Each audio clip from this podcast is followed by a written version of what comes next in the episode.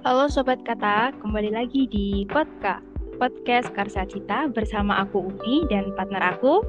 Halo, aku Givira. Episode Kata Cang alias Karsa Cita Berbincang Perdana ini, kita sudah mengundang narasumber yang cantik dan keren banget loh.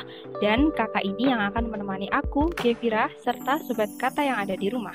Bener banget nih Mi, hari ini kita ditemani oleh seorang wanita cantik di mana beliau ini merupakan seorang psikolog klinis dan juga bagian dari Humanica Psychology Center, Kak Zahra Muhammad. Halo Kak Zahra, gimana nih kabarnya sekarang? Halo, kabarnya alhamdulillah baik, sehat, dan tetap semangat sih walaupun sekarang musim hujan ya, tapi oke tetap semangat nih. Kalau boleh tahu nih kak, kesibukannya sekarang kakak lagi ngapain aja sih? Kalau sehari-hari praktik ya, praktik psikolog dari Senin sampai Jumat di rumah sakit sama di Humanika Psychology Center. Terus kalau Sabtu Minggu biasanya ngisi webinar. Wah, keren banget ya.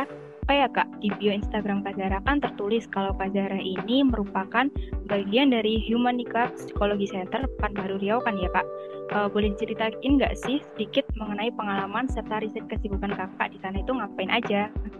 Oke, kalau di Humanika Psychology Center, aku sebagai psikolog ya yang pertama, jadi memberikan konseling, psikoterapi, seperti itu. Selain itu, aku juga membantu untuk maintain sosial medianya dan juga pengembangan di Humanika Psychology Center itu sendiri. Keren banget ya kak. Um, sebagai warga Pekanbaru ya, aku juga kayak baru tahu gitu kalau ada Humanika Psychology Center di Pekanbaru. Jadi kayak buat temen-temen nih khususnya orang Pekanbaru boleh nih check out Humanika Psychology Center ya. Oke, mungkin udah cukup ya perkenalan sama narasumber kita hari ini. Buat kalian yang masih pengen tahu lebih banyak mengenai Kak Zahra, bisa aja langsung follow IG-nya @zazahra. Oke, sesuai judul episode kali ini, di sini kita bakal membahas mengenai stres bersama ahlinya yang sudah diundang di Katacang kali ini. Terima kasih juga untuk Kak Zahra karena sudah mau meluangkan waktunya dan berbagi ilmu bersama dengan Sobat Kata. Yap, Gap.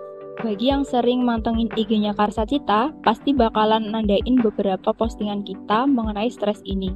Di antaranya our recent post yaitu benefits of journaling dan our recent katagram yaitu coping mechanism, cara jitu atasi stres kamu. Karsa Cita tiada habisnya deh ya ngulik tentang si stres ini. Karena ya memang stres selalu ada di mana kita berada. Tapi sebenarnya definisi dari stres itu sendiri apa sih kalau menurut Kak Zahra? Oke, kalau kita ngomongin stres, sebenarnya menarik banget ya.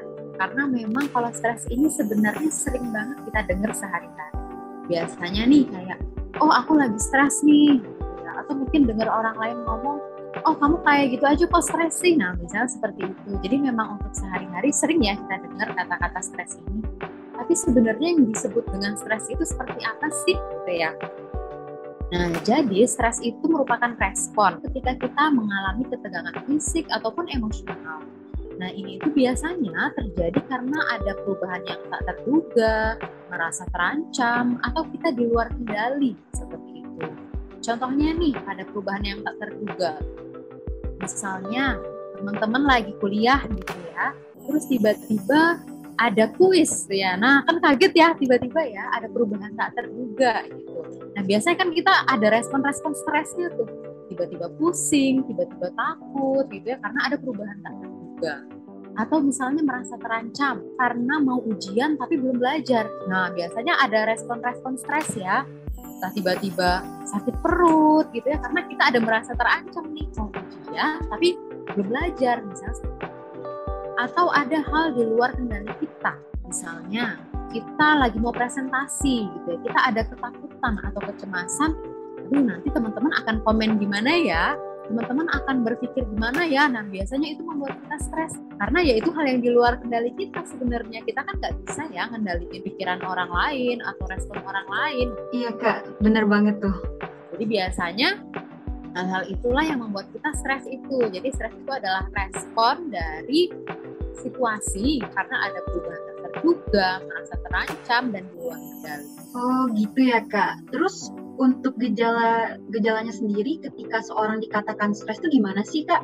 Biar sobat kata di rumah bisa lebih aware sama stres yang mereka alami, biar nggak mengganggu aktivitas sehari-hari. Oke, kalau dari gejalanya sebenarnya tiap orang bisa beda-beda ya. Jadi kalau misalnya kita lihat nih, dilihat dari beberapa segi, Kalau dari aspek pikiran, nah biasanya orang yang lagi stres ini overthinking bahasanya kalau sekarang. Jadi pikirannya itu banyak banget, nggak selesai-selesai. Kalau dari emosi, biasanya orang yang stres itu ada rasa gelisah, ada rasa cemas, ada rasa takut. Nah, ada emosi-emosi nggak nyaman biasanya. Atau mungkin sensitif, mudah marah, mudah tersinggung. Seperti itu kalau dari emosi. Lalu kita bisa lihat juga dari aspek perilaku. Mungkin teman-teman ada nih yang lagi stres terus jadinya banyak makan. Nah, gejalanya seperti itu ya kalau dari perilaku. Ada yang kalau stres itu makannya jadi banyak. Tapi ada juga yang sebaliknya. Kalau stres malah nggak nafsu makan gitu. Gitu juga dengan tidur. Ada yang kalau stres itu sulit untuk tidur gitu ya. Tapi ada juga yang sebaliknya gitu. Kalau lagi stres tuh pengennya tidur terus. Nah, itu kalau dari segi perilaku gitu ya. Jadi emang beda-beda tiap orang. Ada juga bisa kita lihat dari aspek fisik. Misalnya nih karena kita stres itu ngaruh ke kondisi fisik kita. Mungkin ada yang kalau lagi stres itu sakit perut gitu ya. Mungkin mau ujian kan aduh kok mules ya sakit perut gitu ya. Ada yang sakit kepala ya, pusing, ada yang mual rasanya. Kalau dari aku sendiri juga pernah ngerasain dulu kalau lagi mau ujian itu gatal-gatal. Nggak tahu kenapa gitu ya, sebelumnya padahal biasa aja. Tapi kalau pas mau ujian, itu yang lagi belajar kok rasanya gatal ya. Nah. Jadi responnya bisa jadi beda-beda tiap orang. Lalu bisa kita lihat juga dari aspek sosialnya. Ada juga di beberapa orang yang ketika stres itu pengennya menarik diri dari lingkungan. Males banget ketemu orang lain, pengennya nyendiri aja. Nah, ada juga tuh yang seperti itu. Jadi memang kalau dari gejalanya sendiri itu bisa macam-macam dan bisa berbeda-beda tiap orang. Yang bisa kita lakukan pertama adalah kita perlu aware dulu nih sama gejala dari kita sendiri. Kita kalau stres itu biasanya gimana ya? Nah, kalau dari pikiran gimana? Emosi gimana? Perilaku gimana? Gitu. Fisik gimana? Sosialnya gimana? Nah, ini yang perlu kita sadari dari diri kita sendiri. Wow, kalau untuk stres itu sendiri, uh, sebenarnya ada tingkatan keparahannya nggak sih kak?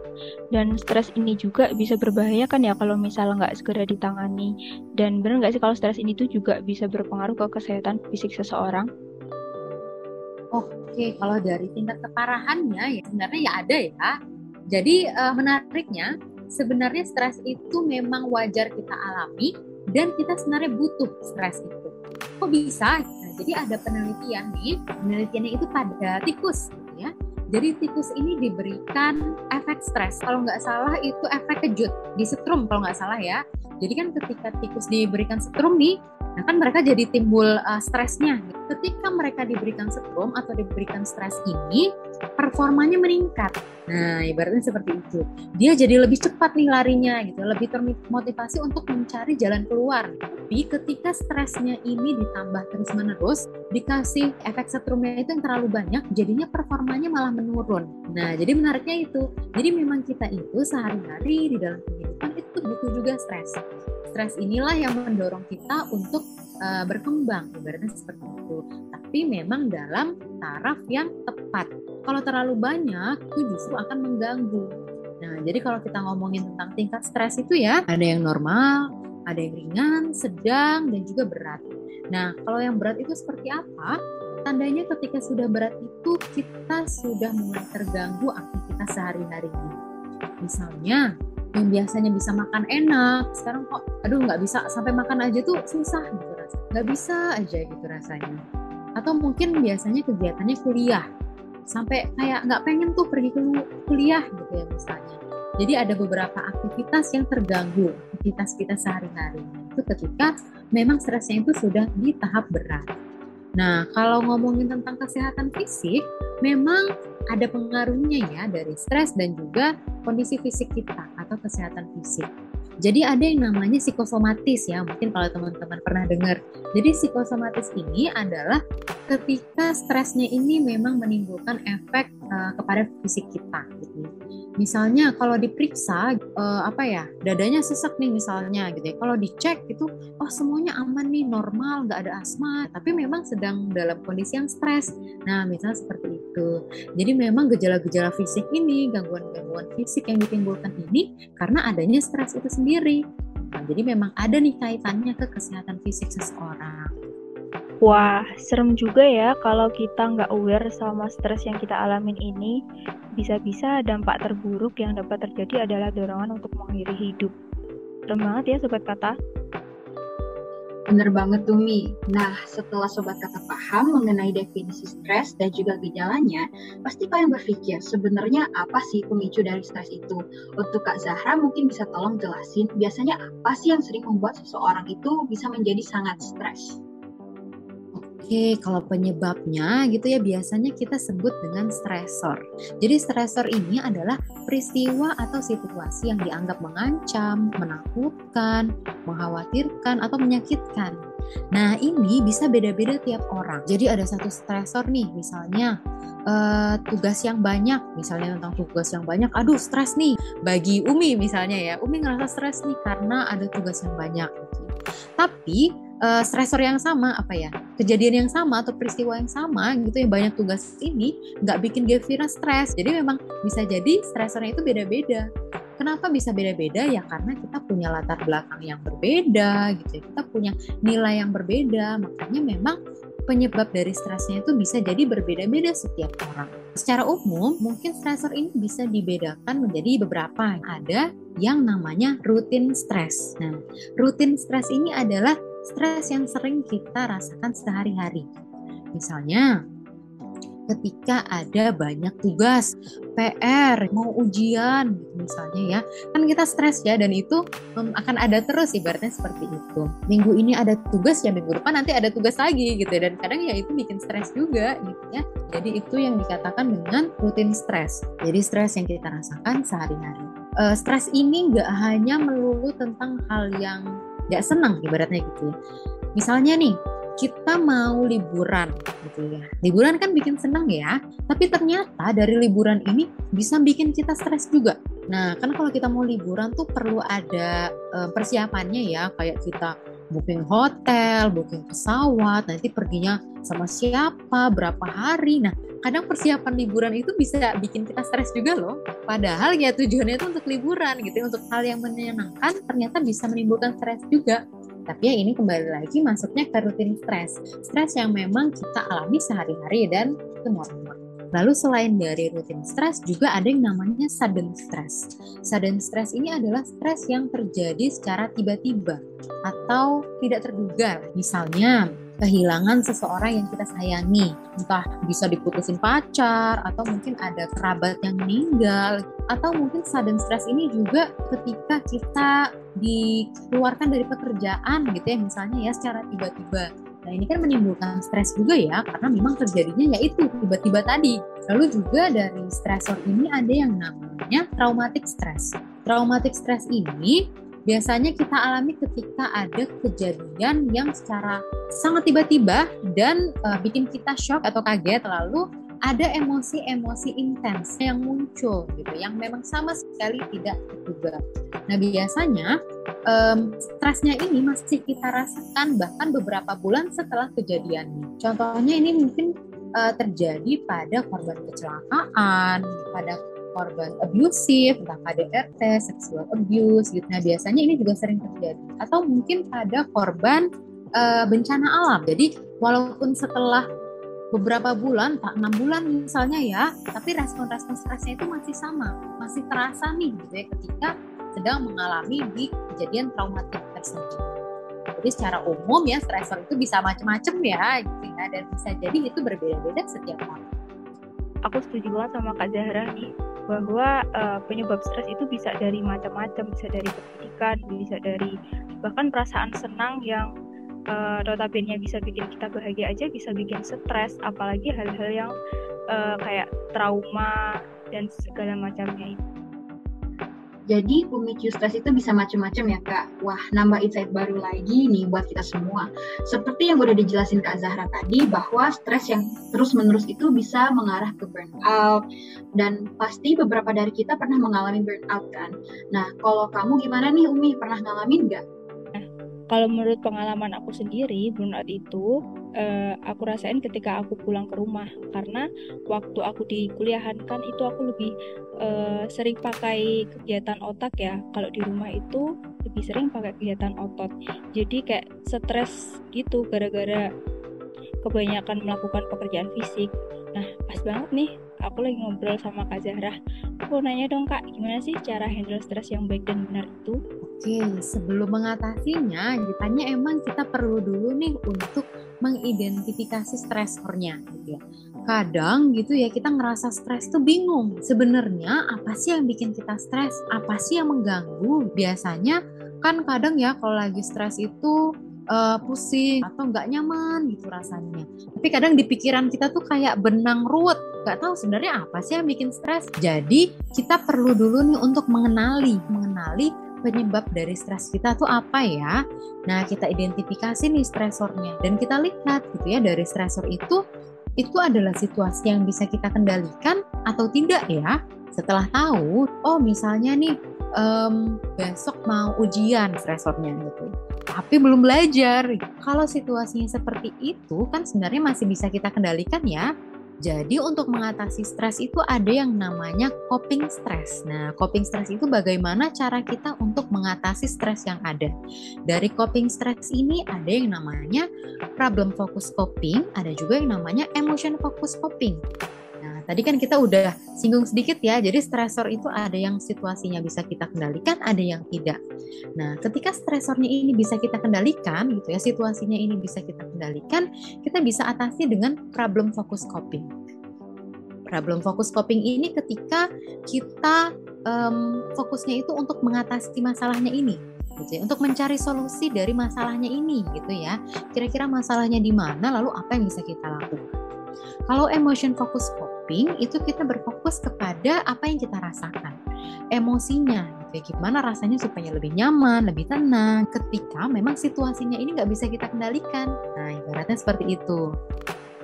Tadi ya kalau dari contohnya nih um, aku lagi stres karena mau ujian. Belum belajar nih soalnya, ya, makanya stres. Kalau kita pakai problem focus coping, gimana ya caranya supaya bisa lebih siap nih ujiannya? Nah, kan masalahnya di situ ya, soalnya ya, karena kita belum belajar, makanya kita ngerasanya stres nih, nggak siap. Cara mengatasinya gitu ya, kita fokus ke problemnya. Apa sih yang bisa kita lakukan untuk lebih siap sebelum ujian? Oh ya belajar ya ternyata ya. Oh iya itu yang bisa kita lakukan. Oke kalau sekarang lagi sibuk nih misalnya lagi sibuk banyak kegiatan. Nah ini yang perlu kita cari nih strategi belajarnya seperti apa? Misalnya oh aku itu kalau belajar lebih nyamannya itu pagi hari. Oke kita kasih jadwal belajar di pagi hari oh aku itu kalau aku lebih nyamannya tuh malam gitu uh, jam-jam 7 nah misalnya gitu. Oke kita kasih space jam 7 sampai jam 9 misalnya. Jadi di situ problem fokus itu kita fokus ke solusinya gitu. Apa yang bisa kita lakukan gitu ya? Contohnya seperti itu. Lalu ada juga yang namanya emotion focus ya. Nah, emotion focus ini bagaimana kita mengatasi emosi-emosi yang kita rasakan, membuat ya mungkin rasanya kita lebih nyaman ketika ada banyak kegelisahan, rasa cemas, gitu ya. Nah, ini bisa kita lakukan dengan emotion focus coping. Contohnya, mungkin untuk presentasi gitu ya. Kadang kan presentasi bikin stres juga ya. Gitu ya.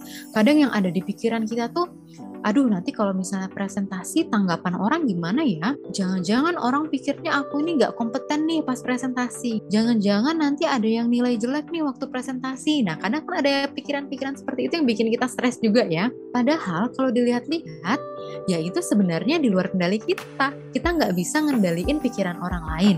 Kita nggak bisa ngendaliin perasaan orang lain. Kita juga nggak bisa ngendaliin perilaku orang lain. Ketika kita memiliki pikiran-pikiran tersebut tuh, misalnya ya kekhawatiran itu, coba kita gunakan emotion focus coping. Caranya bisa dengan ya ibaratnya kita alihkan ya pikiran-pikiran itu. Oke, kalau dari pikiran tadi nih misalnya ya, uh, kita ngerasa takut gitu, takut cemas uh, karena dikomen sama orang lain gitu. Coba untuk mengelaborate gitu ya emosi-emosi itu coba kita tuliskan gitu. Apa sih emosi-emosi yang kita rasakan? Kira-kira yang membuat kita ngerasa nggak nyaman itu emosi apa? Lalu kita boleh juga untuk melakukan sesuatu yang kita sukai di emotion focus coping ini. Misalnya dengan uh, olahraga gitu ya. Nah, untuk mengalihkan pikiran-pikiran itu tadi motion focus copingnya dengan olahraga gitu ya. Atau mungkin pergi sama temen gitu ya.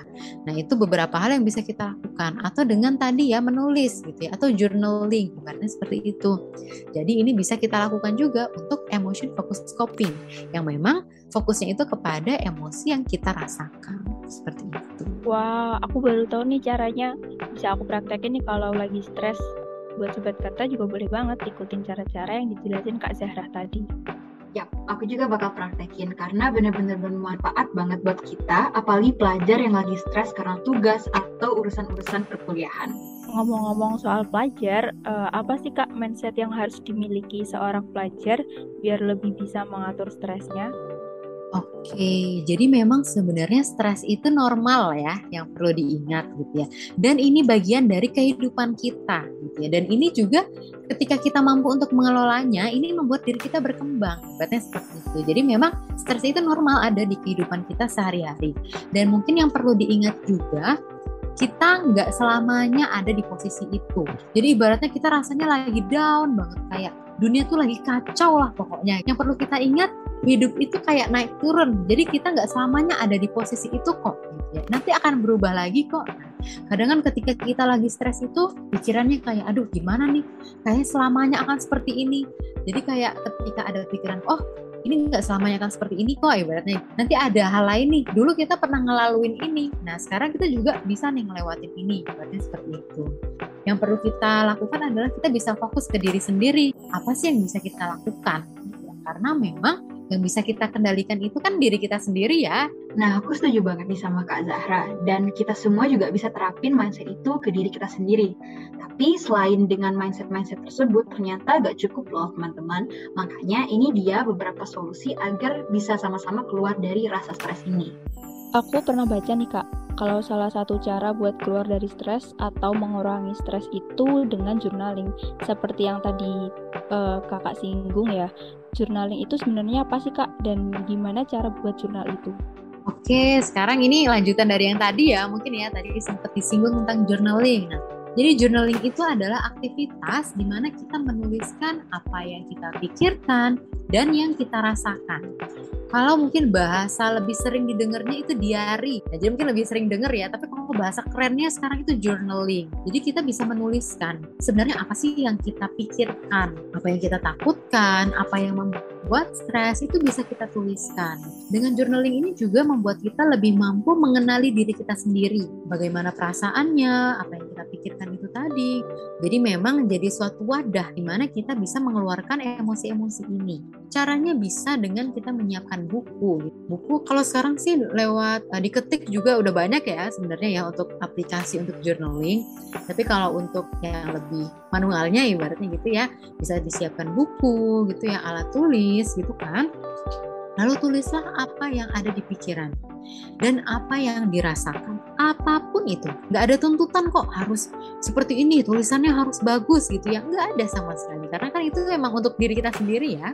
Bagaimana kita menyadari pikiran dan juga perasaan kita. Nah, memang kalau untuk journaling ini, uh, diusahakan untuk konsisten ibaratnya gitu lebih baik ketika konsisten gitu ya misalnya awal-awal itu oke okay, tiga kali seminggu lah ibaratnya gitu atau mungkin pertama sekali seminggu dulu atau ketika kita lagi stres. Nah, ibaratnya seperti itu. Tapi semakin lama kita coba gitu kan, oh bisa nih tiga kali seminggu gitu ya. Oh bisa nih lima kali seminggu gitu ya. Oh bisa nih setiap hari akhirnya journaling seperti itu. Nah, kenapa sih kok bisa journaling ini bisa mengurangi stres? Ibaratnya gini nih, kalau kita stres itu kan banyak ya pikirannya ya kayak benang kusut. Nah, ketika kita journaling, jadi kayak kita tarik tuh benangnya satu-satu kita lurusin. Yang awalnya kita bingung apa yang menjadi stresor gitu ya apa penyebab stres kita dengan kita tuliskan itu semuanya jadi kayak lebih jelas. Jadi kita lebih sadar gitu dengan oh ternyata ini yang aku pikirin oh ternyata ini yang membuatku stres. Dengan kita lebih tahu gitu ya, lebih sadar, jadi kita bisa juga nih untuk mengelola pikiran-pikiran itu gitu ya. Mengelola stresnya itu karena ya kita udah semakin tahu gitu, semakin sadar dengan penyebabnya nggak pun ada solusinya misalnya gitu dengan kita mengeluarkan emosi itu menyalurkan rasa nggak nyaman itu keluar juga itu udah sangat membantu mengurangi stres karena kita itu salurkan keluar ke uh, luar gitu bukan dari ya dari dalam diri kita keluar gitu ya jadi rasa-rasa nggak nyaman itu bisa keluar dari diri kita Wah, keren banget ya Kak ini ngebahas tentang journaling. Aku jadi inget nih sama buku yang judulnya Rusak Saja Buku Ini. Nah, isi dari buku ini tuh kita disuruh kayak ngikutin perintah yang tertulis di sana. Misal kayak robek kertas ini, warnai bagian ini, dan coret-coret bagian ini. Ada perintah menggambar lingkaran-lingkaran. Apakah itu bisa disebut journaling juga ya Kak? Dan apakah efektif dan juga meredakan stres? Oke, kalau kegiatan tadi mungkin sedikit berbeda ya dengan journaling karena memang kalau journaling itu lebih kepada proses menyadarinya gitu ya. Menyadari dan menyalurkan apa yang kita pikirkan dan yang kita rasakan gitu ya. Nah, tapi kalau dari proses yang tadi juga memang bisa gitu ya untuk mengurangi stres gitu ya. Karena bisa jadi salah satu bentuk emotion focus coping tadi gitu ya. Di mana itu memang fungsinya itu untuk menyalurkan emosi-emosi nggak nyaman ini gitu ya. Ketika kita kesel ibaratnya gitu ya ketika kita lagi marah gitu kan boleh ya merasa marah, merasa kesal. Tapi untuk responnya kita bisa kendalikan. Misalnya nih kita lagi ngerasa emosi marah gitu ya. Ketika marah kita rasanya pengen uh, mukul orang lain gitu ya. Aduh pengen nih mukul orang lain gitu ya. Tapi ya sebenarnya dengan mukul orang lain itu tuh nggak menyelesaikan masalah ibaratnya gitu ya. Malah nanti uh, nambah masalah baru ibaratnya seperti itu dan itu menyakiti orang lain. Nah tapi kan emosi marahnya masih ada nih. Nah, emosi-emosi marah ini bisa tetap kita salurkan atau kita keluarkan itu dengan cara tadi. Misalnya kita coret-coret, kita sobek bukunya. Jadi memang itu salah satu bentuk emotion focus coping juga gitu ya. Untuk menyalurkan perasaan nggak nyaman yang dirasakan. Dan itu juga membantu untuk mengurangi stres yang kita rasakan. Aku mau nanya lagi nih Kak, kita tuh sering banget kan ngebandingin diri sendiri sama orang lain sampai stres dan sedih gitu karena nggak bisa kayak mereka. Salah satu cara untuk menghindari itu dengan self-acceptance. Betul nggak sih kak? Boleh dong kak dijelasin apa itu self-acceptance dan gimana caranya biar kita bisa lebih menerima diri sendiri. Iya, bener banget ya. Jadi memang self acceptance ini membantu diri kita juga supaya nggak membanding-bandingkan diri dengan orang lain. Nah, jadi self acceptance ini adalah kemampuan kita untuk menerima diri kita sepenuhnya. Oh, sepenuhnya gimana tuh? Jadi kan di dalam diri kita ini ada kelebihan dan juga kekurangannya. Nah, ketika kita menyadari itu, kita pertama menyadari dulu. Gitu ya menyadari oh aku tuh bisa di sini ya aku tuh hebat di sini. Bukan hebat apa ya lebihnya tuh di sini gitu. aku tuh menguasai ini gitu. Aku tuh sukanya ini gitu ya. Nah itu kan kelebihan kelebihan kita. Pertama perlu kita sadari dulu gitu ya. Gitu juga dengan kekurangan gitu ya. Jadi sebelum menerima kita perlu sadari dulu. Kita sadari kekurangan kita apa ya? Oh aku tuh kalau ngerjain tuh memang agak lambat. Nah ibaratnya gitu tapi aku tuh teliti. Nah, ibaratnya seperti itu. Jadi ya normal pasti ya di semua kita itu pasti ada kelebihannya, ada juga kekurangannya. Dan memang kita pertama perlu untuk menyadari itu. Lalu setelah kita menyadari, nah ini yang perlu kita terima.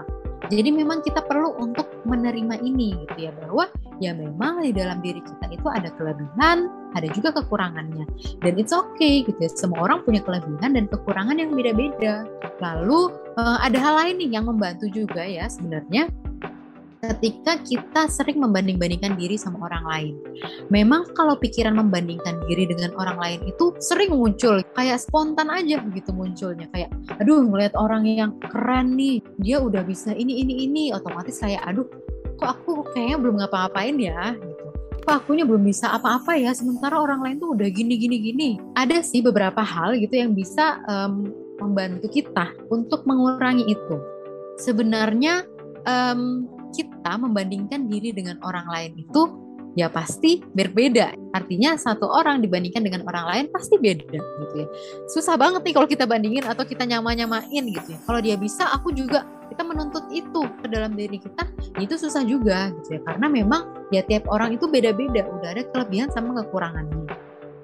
Mungkin bisa kita lihat juga ke orang yang kembar. Kita lihat nih orang yang kembar itu kan um, manusia yang paling mirip lah ya apalagi kembar identik uh, dari fisik oke okay, mungkin mirip. Tapi coba kalau dilihat ternyata bisa jadi sifatnya berbeda minatnya berbeda profesinya berbeda gitu ya kemampuannya juga berbeda. Bahkan ya itu tadi orang yang kembar aja yang orang paling mirip aja tuh pasti beda. Apalagi kita sama orang lain gitu yang dari asal usulnya beda latar belakangnya beda uh, apalagi itu keluarganya beda gennya beda ya pasti beda gitu ya. Kita pasti punya kelebihan sama kekurangan sendiri. Nggak adil sih sebenarnya kalau kita bandingin jadi kita sama orang lain. Karena memang masing-masing pasti punya kuatnya gitu ya. Ada bedanya ibaratnya seperti itu gitu nah lalu uh, aku tuh pengen bandingin supaya bisa lebih berkembang. Gimana? Terus gimana dong? Gitu.